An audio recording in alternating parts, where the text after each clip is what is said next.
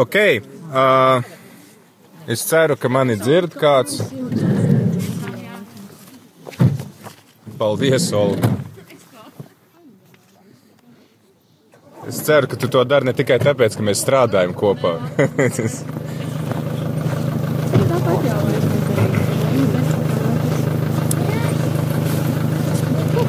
Kā šī to katehēzi sauc? Check-out. Okay. Es mūždien aizmirstu to vārdu, kā sauc šo katehēzi, jo parasti, nu, es normālā valodā runājot, viņu sauc par noslēgumu katehēzi, bet uh, Jolanta teica, ka tā sauc par check-out katehēzēm. Tad, nu, mēģināsim saprast, kas tas ir.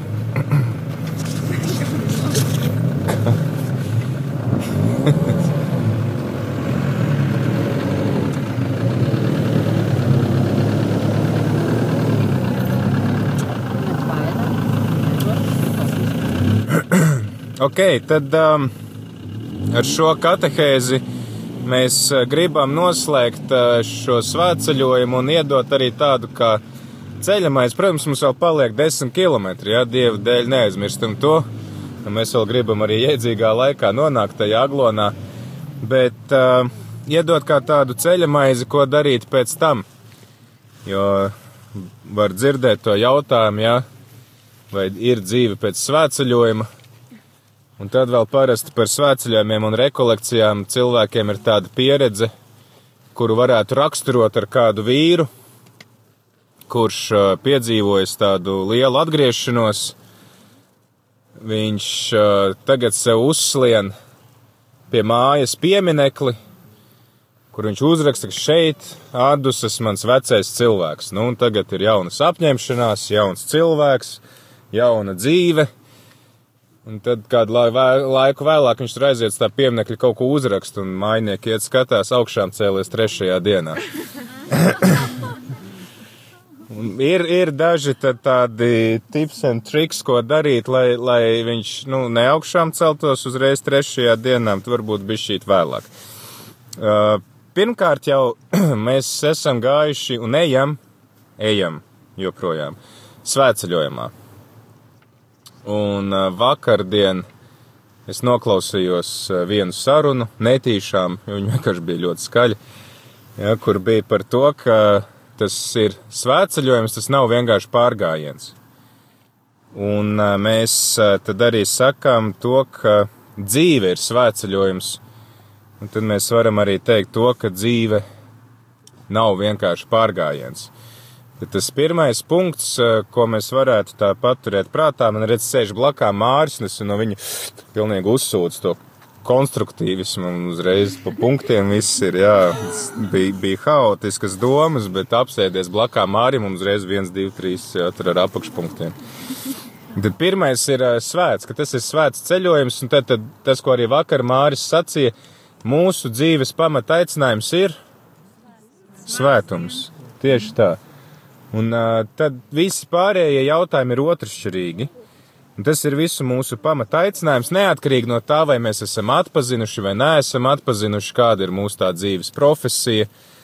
Es tagad neatceros, kurš svētais tas ir, bet viņš sacīja, ka viņa dzīves aicinājums ir meklēt viņa aicinājumu. Nu, viņš tā arī visas dzīves garumā tā arī neuzzināja, kas, kas ir viņa viņa nu, tas aicinājums, ko viņam vajadzētu tur nodarboties, un tā, bet viņš dzīvoja svētu dzīvi katru dienu.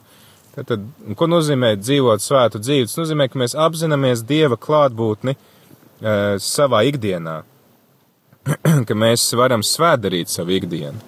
Mēs arī iesākām šo svētceļojumu ar to, ka arī tās savas uh, ikdienas lietas es varu veltīt Dievam kā tādu upuri, ka es savu profesionālo darbu arī veltu Dievam kā lūkšanu ka es to nedaru tur eh, savam uh, priekšniekam vai saviem kolēģiem, vai tur vienkārši, lai mani neatlaistu, bet es to cenšos izdarīt maksimāli labi, tāpēc, ka es to daru Dieva godam.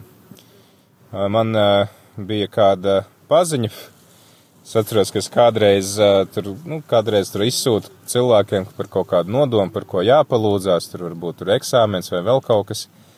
Un tad uh, man tā paziņa atsūtīja, viņa saka, es tagad strādāju, un es nākamo darba stundu veltīšu kā lūkšanu par tevi.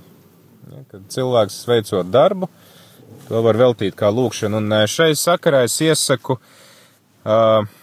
es arī varētu iemest kopčatā, to bildi atgādiniet man pēc tam, jo tagad pavisam nesen ir iztulkota latviski tāda neliela grāmatiņa, dokuments, ko Pāvests Francisks uzrakstīja pirms trījiem gadiem, priecājieties un līksmojiet, gaudēte teksultāte, un uh, tur ir runa tieši Pāvests ir uzrakstījis par to, kā būt svētiem ikdienā.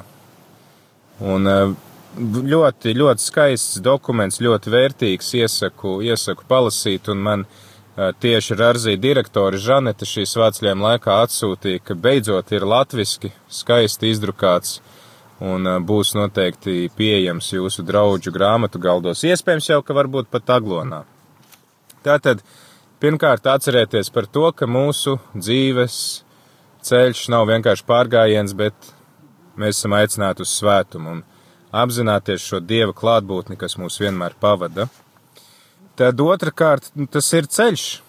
Tas ir ceļš, jā, svēta ceļojums un, protams, turpināt, turpināt tad arī savas garīgās izaugsmas ceļu, lai nav tā, ka mēs svētceļojumā sasmeļamies un tagad mums visam gadam pietiks. Nu, tas tā nav. Drīzāk svētceļojums ir kā tāds impulss, lai atkal no jauna sakārtotu, teiksim, istabu un tad censtos uzturēt tajā kārtību. Nevis, ka mēs reizi gadā sakārtojam istabu un pēc tam atkal ir bardaks visu atlikušo gadu.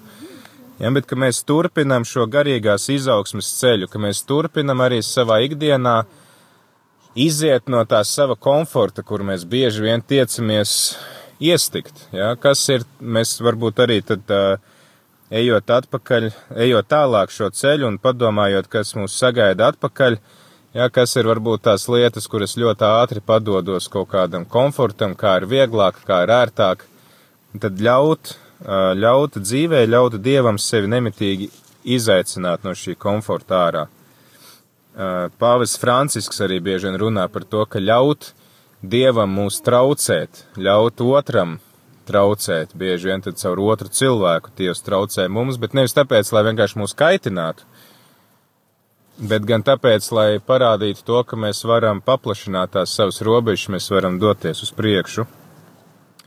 Un eh, tāpēc arī neapstāties visās tajās lietās, ko mēs esam šeit darījuši pa ceļam. Lūgties, jā, te arī Mēs vakardien varējām uzrakstīt uz savām kartītēm to apņemšanos, kas ir tā lieta, ko es sev paņemu līdzi no ceļa. Tad ik pa laikam pacelt to kartīti un apskatīties, ko es tur esmu ierakstījis iekšā. Un kas varētu būt tās, tās lietas, ko es gribētu paņemt no svētceļiem un turpināt savā ikdienā. Tātad lūkšana, mēs, mums ir katehēzes, mēs iepazīstam savu ticību, tātad, jā, nu, meklēt atbildes uz jautājumiem, lasīt, saprast, kāpēc mēs kaut kam ticam un kā mēs ticam un kāpēc un tā tālāk. Tad arī šī te, nu, līdzgaitniecība, kad mēs varam dalīties savā starpā un ka ir cilvēki, kas mūs uzklausa, tad meklēt tālāk šos garīgo vadību savā ikdienā, kādu cilvēku, kuram es varu uzticēties, ar kuru es varu runāt, kurš var mani uzklausīt un kurš man var palīdzēt iet to manas dzīves ticības ceļu, tad arī dalīties. Šeit daudz no jums, praktiski mēs visi, tad arī dalījāmies kaut kādā savā ticības pieredzē. Mēs esam aicināti arī to turpināt darīt, dalīties, tādā veidā arī evanģelizēt. Ja, stāstīt cilvēkiem, mums nevienmēr ir varbūt jāstāsta kaut kādas gudras lietas. Pietiek ar to, ka mēs padalāmies ar savu pieredzi, ja, kad kā Dievs man ir pieskāries, un tas kādam cilvēkam var izmainīt visu viņa dzīvi, un, protams, arī klausīties. Veltīt laiku sarunai ar Dievu, lai klausītos tajā, ko Dievs saka man, šī klusā lūkšana, ko Dievs man saka caur citiem cilvēkiem, kā Aija uzsvēra, ja, ka mums ir divas ausis un viena mute. Arī censties šo principu saglabāt ikdienā. Uz mani neskatieties svētceļojumā, man sanāk vairāk runāt, kā klausīties, bet man tāds darbs šeit. Viņš jau šovakar beigsies, tā kā viss kārtībā. Tad, protams, ka arī mums pa ceļam ir tulznas, mums ir apdegumi, mums ir nogurums, visādas grūtības, jā, gribās raudāt, negribās iet tālāk. Un uh, atcerēties arī to savā ikdienā, ka vienkārši ir, nu, reizēm ir jāsaņemās un jāiet tālāk. Jā, par spīti nogurumam, par spīti tulznām, par spīti visam uh, slinkumam, par spīti tam, ka negribās kādreiz celties no rīta un tā tālāk. Un arī tad uh, nebaidīties no kritieniem. Mēs šajā ceļā noteikti pakritīsim Un uh, kāds arī no jums jau paspēja to izdarīt. es, uh, man ir tāds, tāds, tāds neliels tāds flashbacks. Es teicu jums to, ka man ir daudzi svētceļiem, ko es no savas dzīves vienkārši neapzinos. Un viens no daudziem tādiem, es īstenībā jau biju tādā diezgan saprātīgā vecumā, varētu būt tā kā apmēram tur Ance vai, vai, vai Edgars, apmēram tādā vecumā, un man, uh, šausmīgi kaitināja, man, nu, man kāds bija teicis, ka karogiem ir jāiet pa priekšu. Ziniet, tur no Rīgas tur gāja tur Latvijas karogs un pilsētas karogs un draudzes karogs un, nu, tur milzīga grupa un šausmīgi daudz karu, viņiem visiem jābūt priekšā. Un eh, man kā mazam bērnam šausmīgi tracināja, ka tur kādreiz tie svētceļnieki ar to karogu kaut kur iejūg pa vidu tai pūlī, un tad es atceros, ka es, nu, apmēram uz tāda ceļa kā šeit, kas ir tāds varbūt tur nogrēderēts, asfalta nav, un es tagad saku, ka es to karogu stiepšu, es viņu tur paņemu, un kā skrienu uz to grupas priekšu, protams, ka zem kājām neskatos, un ar visu to karogu pilna mute ar smiltīm, un, un tā, bet tā, mums gadās, gadās, ka mēs pakrītam dzīvē, gadās, ka mums ir pilna mute ar dubļiem. Tad arī tas, ko mēs šodien misē runājām, ka nebaid, ne, nepalikt tajā, vienmēr arī celties un iet tālāk, kaut vai tur klubdami, krizdami, bet mēs turpinam to ceļu iet tālāk kaut kā. Un, protams, ja mēs izmantojam visus tos līdzekļus, kas mums ir svētceļojumā, lūkšana, šī savas ticības iepazīšana, studēšana, garīgā vadība, uh, protams, arī grēksūdzi, tad ir viss tas, kas mums palīdz celties, kas mums palīdz nepakrist un palīdz iet tālāk. Tā tad svētums, ceļš, tad trešā lieta ir lūkšana.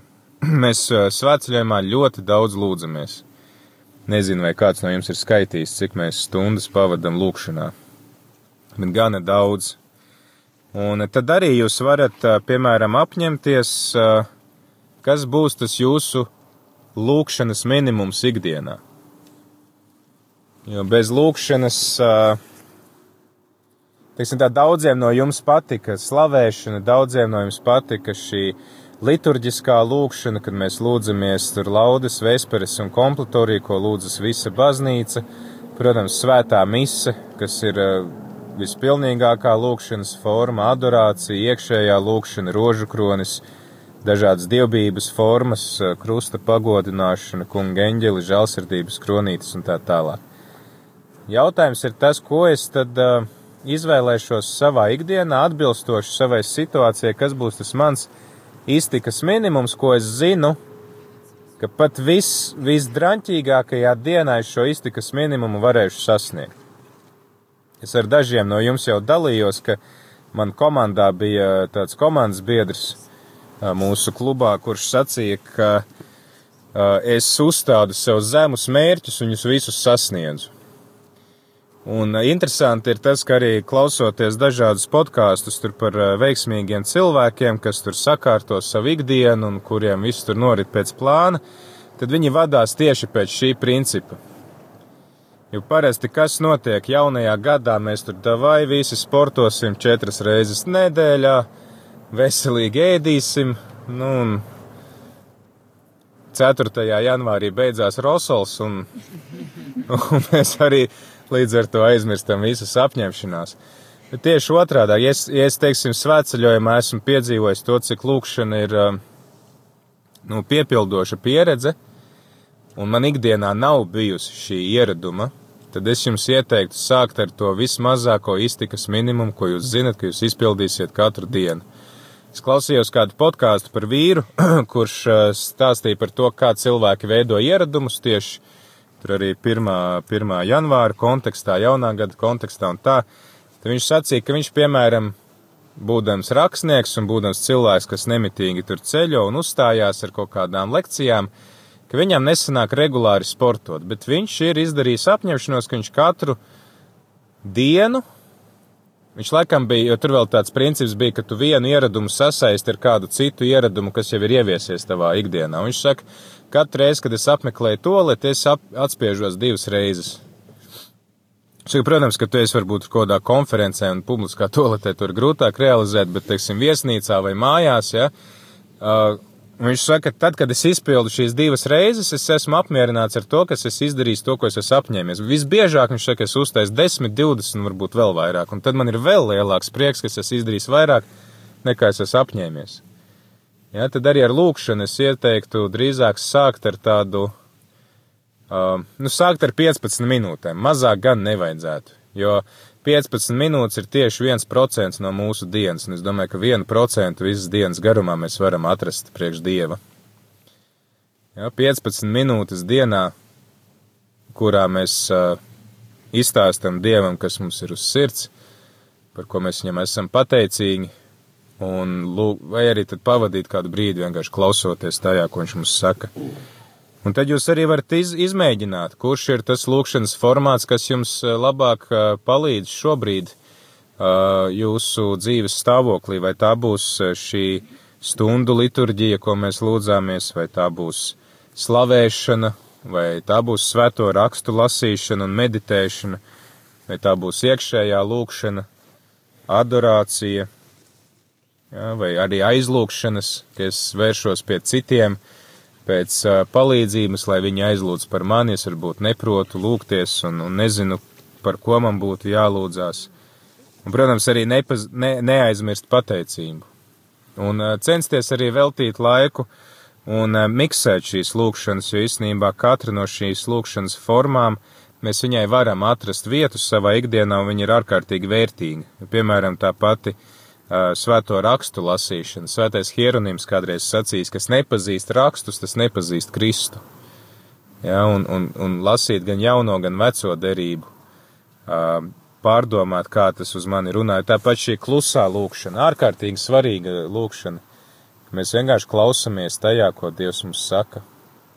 Vai mēs paņemam kādu garīgu literatūru un to lasam pa tādām nelielām porcijām, kas mūs var iedvesmot uz mūsu lūkšanu dzīvi.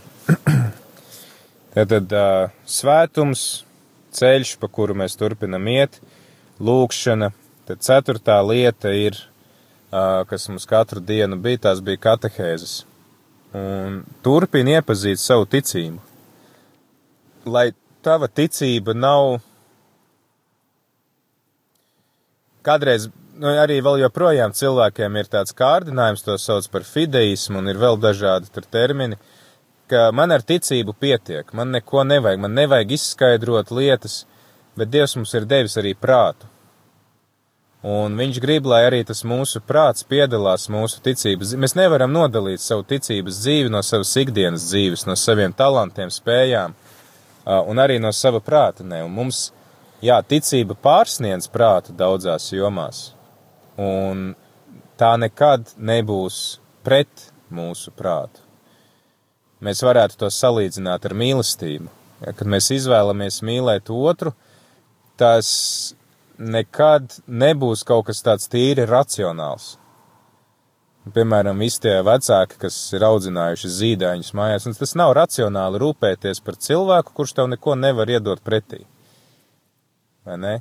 Bet mīlestība ir kaut kas tāds, kas pārsniedz šo prātu, un tu redzi pēc tam, ka ilgtermiņā tas atmaksājās. Un, ka tas tavs ieguldījums pēc tam nes augļus varbūt visai pasaulē, ka šis cilvēks atrod savu vietu un, un pilda savu aicinājumu, kam viņš ir radīts. Un tāpat arī ticība, viņa nav pret mūsu prātu, viņa pārsniedz prātu, prāts varbūt visam netiks līdzi, bet uh, mums ar prātu vienmēr ir jācenšas saprast to mūsu ticību, lai, lai tā mūsu ticība nav tāda, jo, ja ticība ir bez prāta, tad mēs varam iedomāties Dievu tādu, kāds viņš nav. Un, ja ticība ir bez prāta, tad mēs varam iekrist, ļauties savām emocijām, jūtām, un tad mūsu ticība būs atkarīga no mūsu garastāvokļa. Bet tas, tas nav tas, ko Dievs no mums sagaida. Un aicinu tad, jā, meklēt laiku, lai sekotu līdzi tam, kas notiek baznīcā, lai sekotu līdzi tam, kam pievērš uzmanību mūsu baznīcas autoritātes, jo tās mums ir neparvelti dotas, tas ir tas veids, kā svētais gars turpina vadīt savu baznīcu, savu kopienu, caur šīm autoritātēm, caur pāvestu, caur bīskapiem. Ja, tagad tad, uh, varbūt mēs nevaram tur izlasīt visus, visas pāvestu uzrunas un tam, bet vismaz pievērst uzmanību šiem galvenajiem uh, dokumentiem vai galvenajiem, varbūt tiem procesiem, kas norisinās, piemēram, tagad atkal tuvojās jauna bīskapu sinoda, kas būs veltīta sinodalitātei. Tas nozīmē, kā visa baznīca, visa kopiena var raudzīties vienā virzienā un kā uh, visas kārtas baznīcā, garīdznieki, konsekrētie, lāji, precētie, neprecētie, šķirtie un, un tā tālāk, kā visi var sadarboties un miedarboties, lai palīdzētu mis, baznīcai pildīt savu misiju. Un meklēt atbildes uz saviem jautājumiem, kāpēc, kāpēc mēs kaut kam ticam tā un es savādāk. Tad piektā lieta mums katru dienu bija svētā mise. Un tiešām pievērst nopietnu uzmanību svētajai misei arī ikdienā.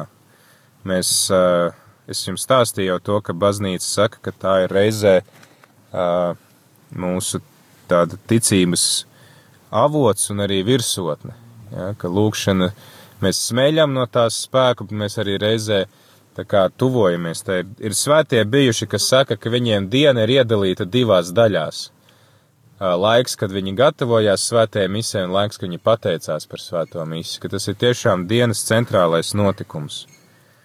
Un svētā mise, kas ir svētā mise? Tā ir pateicība, tas ir upuris, tā ir Kristus klātbūtne, tā ir barība mums, stiprinājums mūsu attiecībām gan ar Dievu, gan ar citiem cilvēkiem. Tātad arī tas, jā, kā mēs gatavojamies svētai misē, piemēram, Šajā svētceļojumā mēs katrai svētajai misē gatavojamies 15 minūtes iepriekš, dziedot šīs dziesmas, jau pārdomājot to, kas būs svētajā misē. Un tāpat arī tad es ikdienā uh, varu nevis sūdzēties par to, ka manā draudzē ir garlaicīgas mises, bet es varu sagā, sagatavot pats sevi šai svētajai misē, ka es pirms iziešanas no mājām es izlasīšu mieram tuvu, par ko būs lasījumi kas pa ceļam no mājām līdz baznīcai es pārdomāšu, kas ir tas, ko es šodien varu upurēt Dievam. Varbūt tie būs tikai mani grēki, varbūt tas būs kāds mans sasniegums, varbūt tā būs kāda pateicība, ko es gribu pienest Dievam, varbūt tas būs kāds cilvēks, ko es nesu savā sirdī un par kuru es gribu lūgties. Ja, tad, tad, un sekot šīm misas daļām līdzi, tad, kad ir grēku nožēla, tad kas ir tās lietas, kas man būtu jānožēlo?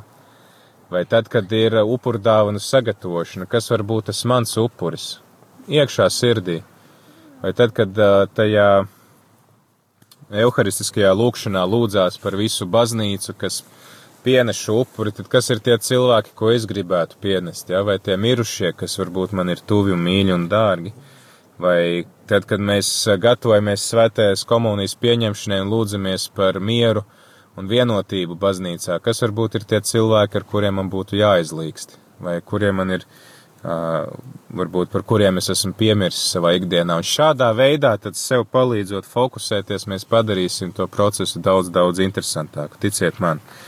Un uh, tiem, kam nav ieradums iet svētdienās uz misi, tad sāciet ar to, ka jūs ejat svētdienās uz misēm, vai vismaz sāciet skatīties uh, YouTube vai Facebookā vai vienalga, kur. Jā, klausieties radio. Tas ir uh, 11. punkts. Kā. Un tiem, kuriem jau ir ieradums iet svētdienās uz baznīcu, uz svētajām misēm, varbūt, ka jūs varat atrast iespēju vēl pa nedēļu kādreiz uzlādēt tās baterijas, vai arī atrast laiku adorācijai, īpaši rīdzinieki, Jā, jums ir iespēja ieiet adorācijas kapelā, jums ir iespēja iet Marijas Magdalēnas baznīcā un pavadīt kādu brīdi adorācijā uz svētākā sakramenta priekšā, kur ir pats Jēzus.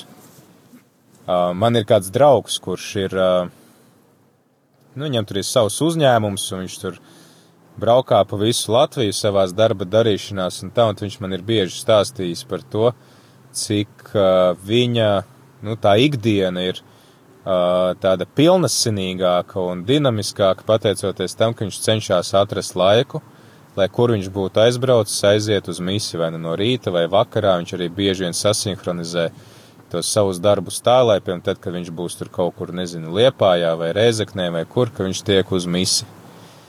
Piemēram, Opus Dei, tie, kas ir mani draugi Opus Dei, viņi man stāstīja to, ka viņiem tas vispār ir tāds princips. Visi strādā, kas ir tie strādājušie, precēt, precētie, neprecētie, viņi visi meklē iespēju katru dienu aiziet uz svēto misiju. Jā, tas ir kaut kas tāds, ko viņiem šis svētais Hosemarijas Krīve ir ieteicis, ja tu gribi svētdarīt savu ikdienu, savu darbu, tad sāc to ar misiju vai arī pabeidz to dienu ar misiju. Ok. Nekas mums ilgi nav, tā kā gan jau, ka izturēsim šo lietu.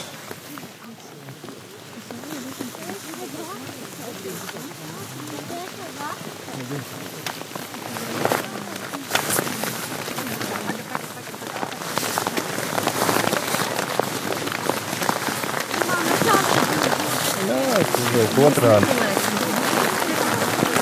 Es gribu bukleti. Bukletiņa.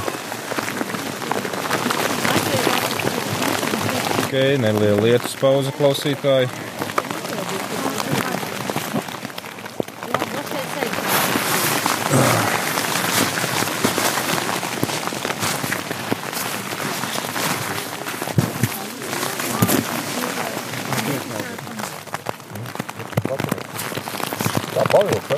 Jā, par visu padomāts.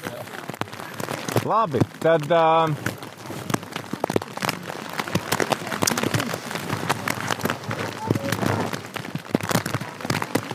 Tātad uh, mēs svētceļojumā tas ir aicinājums uz svētumu, tas ir uh, ceļš.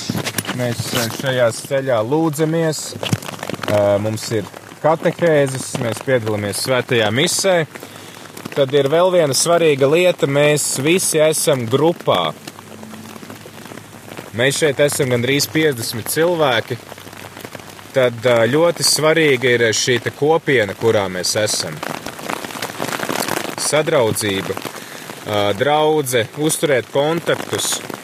Ja tev nav vēl savas draudzes un, un tu katru svētdienu ej uz citu baznīcu, es tev ieteiktu atrast vienu baznīcu, uz kuru tu ej, lai tu varētu sajust tādu piederību. Piederību kādai vienai konkrētai kopienai.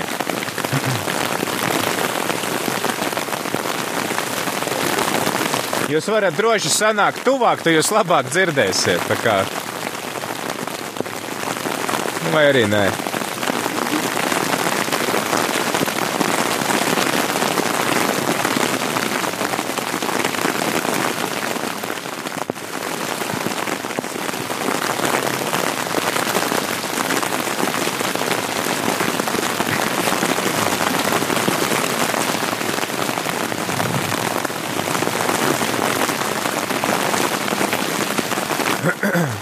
Jā, tad, tad tas kopienas aspekts ir ārkārtīgi svarīgs. Un, tiem, kas jau esat draudzē pastāvīgi, es arī ieteiktu tad, uh, meklēt tos veidus, kā mēs varam.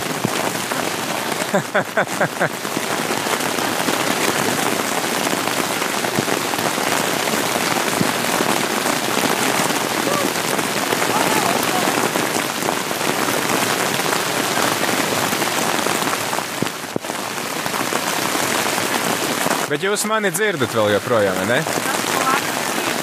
Jā. ok. Nekas pēc tam būs vieglāk iet vismaz. Reku meitenes jau ir izvilkušas sauļošanās krēmu, tā kā tas nozīmē, Jā. Jā, bet tātad kopiena ir ārkārtīgi svarīga, jo daudzi jūs arī dalījāties par šīs svētceļiem augļiem tieši tāpēc, ka bija kāds līdzās, bija ar ko dalīties, bija kāds, kas uzmundrina, bija kāds, eh, par ko parūpēties, bija kāds, kas vienkārši ir līdzās, un viņš varbūt neko nesaka, nedara, bet viņš vienkārši ar savu klātbūtni man iedvesmo. Un tāpēc mums ir vajadzīga šī piederība kādai kopienai, draudzēji. Protams, ka Rādio Marija var būt tāda virtuāla kopiena, bet visiem tiem, kuriem apstākļi to nespiež, es ieteiktu meklēt arī reālus kontaktus. Viens ir, jūs varat saglabāt šos kontaktus, kas jau jums ir tagad svētceļojumā radušies. Turpiniet uh, kontaktēties, turpiniet sarakstīties, sazvanīties, satikties, uh, lūgties kopā. Vienkārši aiciniet viens otru uz vakariņām un, un pārunājiet, kā jums iet pēc svētceļojuma mēnesi, divus, trīs, pusgadu. Ja, tas ir arī tāds eh, veids, kā mēs varam stiprināt viens otru ticību. Un arī eh, ļoti svarīgi, ka mēs šajā kopienā jūtamies piederīgi, ka mēs, teiksim, savās draudzēs varam atrast veidu, kā mēs varam kalpot, kā mēs varam palīdzēt tai kopienai. Un pat ja man liekas, ka manā draudzē nekas nenotiek, es varu tad pats uzņemties kādu iniciatīvu. Piemēram, tas te atbilžu jautājumu vakarā, ko es sacīju par to, ka es varu vienkārši saicināt. Pirmkārt, es varu sākt iepazīties ar tiem saviem draugus locekļiem. Vienkārši prasīt viņiem, kā, kā tevi sauc. Nu, ļoti netipiski latviešiem visticamāk, ka jūs draugs locekļi domās, ka jūs esat stulbi kaut kādi. Bet uh, agri vai vēlu jūs to kritisko masu dabūsiet. Un tad uh, jūs varēsiet arī sākt kaut kā kopā lūgties, kopā tikties, varbūt meklēt arī viens otram palīdzību, atbalstu, kam tas ir nepieciešams, kaut kāds karitatīvais darbs. Tāpēc uh, tas arī tad noved mani pie nākamā punkta, pie žēlsirdības darbiem. Ļoti ārkārtīgi svarīga lieta, ja mēs gribam, lai mūsu ticība aug, mums ir jādalās ar to, kas mums ir. Un mūsu lūkšana nekad, nekad nevar būt atrauta no mūsu uh, tuvāk mīlestības, no žēlsirdības darbiem, kurus mēs veicam citu cilvēku labā. Vienkārši tāpēc, ka viņi ir. Ja, un tad, kad mēs uzsākam gavēni, tad parasti stundu liturģijā lasījumu stundā lasa. Man tagad izkrita no prāta, kura svētā uh, citātu, bet viņš tieši runā par to, ka uh, gavēnis, lūkšana un žēlsirdības darbi iet roku rokā. Un, ja tu gribi, lai Dievs tevi uzklausa, un ja tu gribi, lai Dievs tev kaut ko dotu, bet tu neveic žēlsirdības darbus, tad tu vari aizmirst, ka tā tava lūkšana varētu būt auglīga. Ja, mēs meklējam šo laiku un iespējas, lai veiktu šo žēlsirdības darbus. Protams, ģimenes cilvēki pirmkārt jau savā ģimenē, bet arī tas, ko jūs kā ģimene varat darīt kopā, lai kalpotu citiem. Un jums ir ļoti, ļoti daudz ko dot, jo tas, ka jūs esat ģimene, jau ir liels kalpojums tiem, kuriem tādas nav. Un ka jūs uzņemat šos cilvēkus savā paspārnē, ka jūs draudzējaties, vai arī ka jūs uzņematies kādu konkrētu kalpojumu, lai apmeklētu, piemēram, draudzes vecos cilvēkus, slimniekus vai nezinu, sagādātu kādas nepieciešamās preces tiem, kas paši nevar aiziet uz veikalu un tā tālāk. Kaut tas ir tas veids, kā mēs varam arī stiprināt to savu kopienas piedarības sajūtu, kad mēs jūtamies noderīgi citiem, ka arī mēs paši nebaidamies lūgt palīdzību citiem. Tas arī ir uh, svarīgi. Viens pats cilvēks nekad nevar ticēt. Viņš var ticēt tikai un vienīgi kopā ar citiem. Mēs ticību saņemam pateicoties citiem cilvēkiem mēs kļūstam par dieva bērniem pateicoties baznīcai, ka ir baznīca, kas mūs nokristī, tad arī mēs nevaram augt šajā ticībā izolēti no citiem vieni paši. Tas nav iespējams. Daudz arī saka, es eju tur svētdienās uz baznīcas mājās lūdzos, jā, bet man, nu, man tā ticība stāv uz vietas jautājums, tad cik iesaistīts tu esi, kādas ir tavas attiecības ar citiem taviem kopienas locekļiem, cik daudz tu viņiem kalpo. Uh, jā, tad to mēs arī varam izcelt kā tādu atsevišķu punktu. Nepaliec viens. Nepaliec viens. Meklē garīgo vadību, meklē kopienu, meklē cilvēkus, ar kuriem tu vari lūgties kopā. Īpaši tad, kad varbūt pašam ir grūti. Un uh, es atceros, kā es sāku uh, semināru. Es līdz semināra laikam domāju, ka es uh, nevaru paskriet garās distances. Nu, es varu tur uh, noskriet sprintu, bet, nu, maratons nav priekš manis. Nu, labi, es joprojām neesmu noskrējis vēl nevienu maratonu pagaidām. Bet uh, es atceros to, ka es, uh, tad, kad es tā izdomāju, ka varētu mēģināt sākt skriet, uh, tas iemesls īstenībā bija pavisam vienkāršs un triviāls. Es seminārā atmetu pīpēšanu, un es pamanīju, ka es sāku daudz vairāk ēst, un, kad es sāku daudz vairāk ēst, es paliku daudz smagāks. Un tad es domāju, nu, kaut ko jāsāk darīt, un es sāku skriet. Bet, nu, tas bija tā, apmēram tur apskrien ap kvartālu, un, un, un tu esi piekusis jau. Un, Tad bija daži tādi semināristi, kas arī teica, ka nu, mēs arī gribam skriet, nu, vai skrienam kopā, nu, vai skrienam kopā. Un tad ir tāda diena, nu, piemēram, mēs tur bijām sarunājuši, ka mēs skriesim otrdien, ceturtdien. Un pienāk tā otrdiena, un šausmīgi negrib skriet. Bet ir jau tie, nu, nezinu, pulksteņš četri. Un tu domā, nu, labi, tu nebūsi tas kretīns, un tu aizies vismaz līdz tam otram semināristam, nu, atgādinās par sevi ar cerību, ka viņš arī negribēs skriet. Un tu aizēji, viņam saka, nu, ko četri. Un tu redzi, ka viņš tur no tām grāmatām ar tāpat pieceļās, un, un tur grāmatas nospiedums uz vaiga ir. Viņš saka, ai, nu labi. Un tu saproti, ka tu esi panācis pretējo efektu, jo cerībā, ka viņš teiks, aida vai nē. Viņš domā, nu jā, jau Pēters atnāca un sauc, un tad ir jāiet. Nu, vai arī reizēm otrādāk. Jā, ka tas, tas, ka mēs neesam vieni, tas dod to atbalstu īpaši tad, kad mēs esam piekusuši un noguruši. Un visbeidzot, dalies ar piedzīvoto. Mēs te svētceļojumā runājām, cik forši ir liecināt un cik forši ir dzirdēt liecības, tad nebaidīties liecināt. Sākotnēji jums būs daudz ko stāstīt par svētceļojumā piedzīvoto, bet pēc tam arī cenšaties skatīties, kas notiek jūsu ikdienā, un nebaidieties par to stāstīt citiem. Jā, tas arī var, var iedvesmot jūsu draugus, un jums pašiem liks uh, ieraudzīt to, kā Dievs turpina darboties jūsu dzīvē arī pēc svētceļojuma. Jo viņš nedarbojas tikai smilta naglona maršrutā, viņš darbojas visur. Tātad tie galvenie punkti ir svētums, ceļš, lūkšana, katehēzes, tātad augšana, ticības izprašana, svētā mise, kopiena, garīgā vadība, kalpošana, dalīšanās ar piedzīvoto, Un, protams, ka tad var teikt, kā apustulis Pāvils pāri visam mīlestību. Ja, ka mēs mācāmies dalīt, vispirms jau saņemt šo mīlestību un ikdienas atcerēties, ka Dievs mani mīl šeit un tagad. Pat ja es esmu sagrēkojis, Viņš joprojām mani mīl, un es varu atgriezties. Un mēs varam dalīties ar šo mīlestību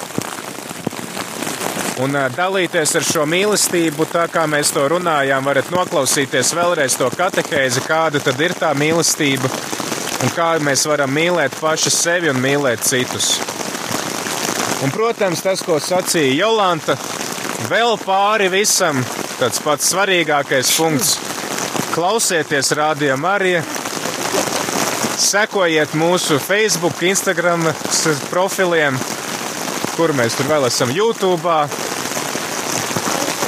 Twitterī un uh, kļūstiet par brīvprātīgajiem. Īsnībā, kļūstot par rādījumu arī brīvprātīgo, jūs varat tad uh, gan rūpēties par savu lūkšanu dzīvi regulāri, jūs varat iesaistīties kalpošanā, jūs varat dalīties tajā mīlestībā, ko jūs esat saņēmuši.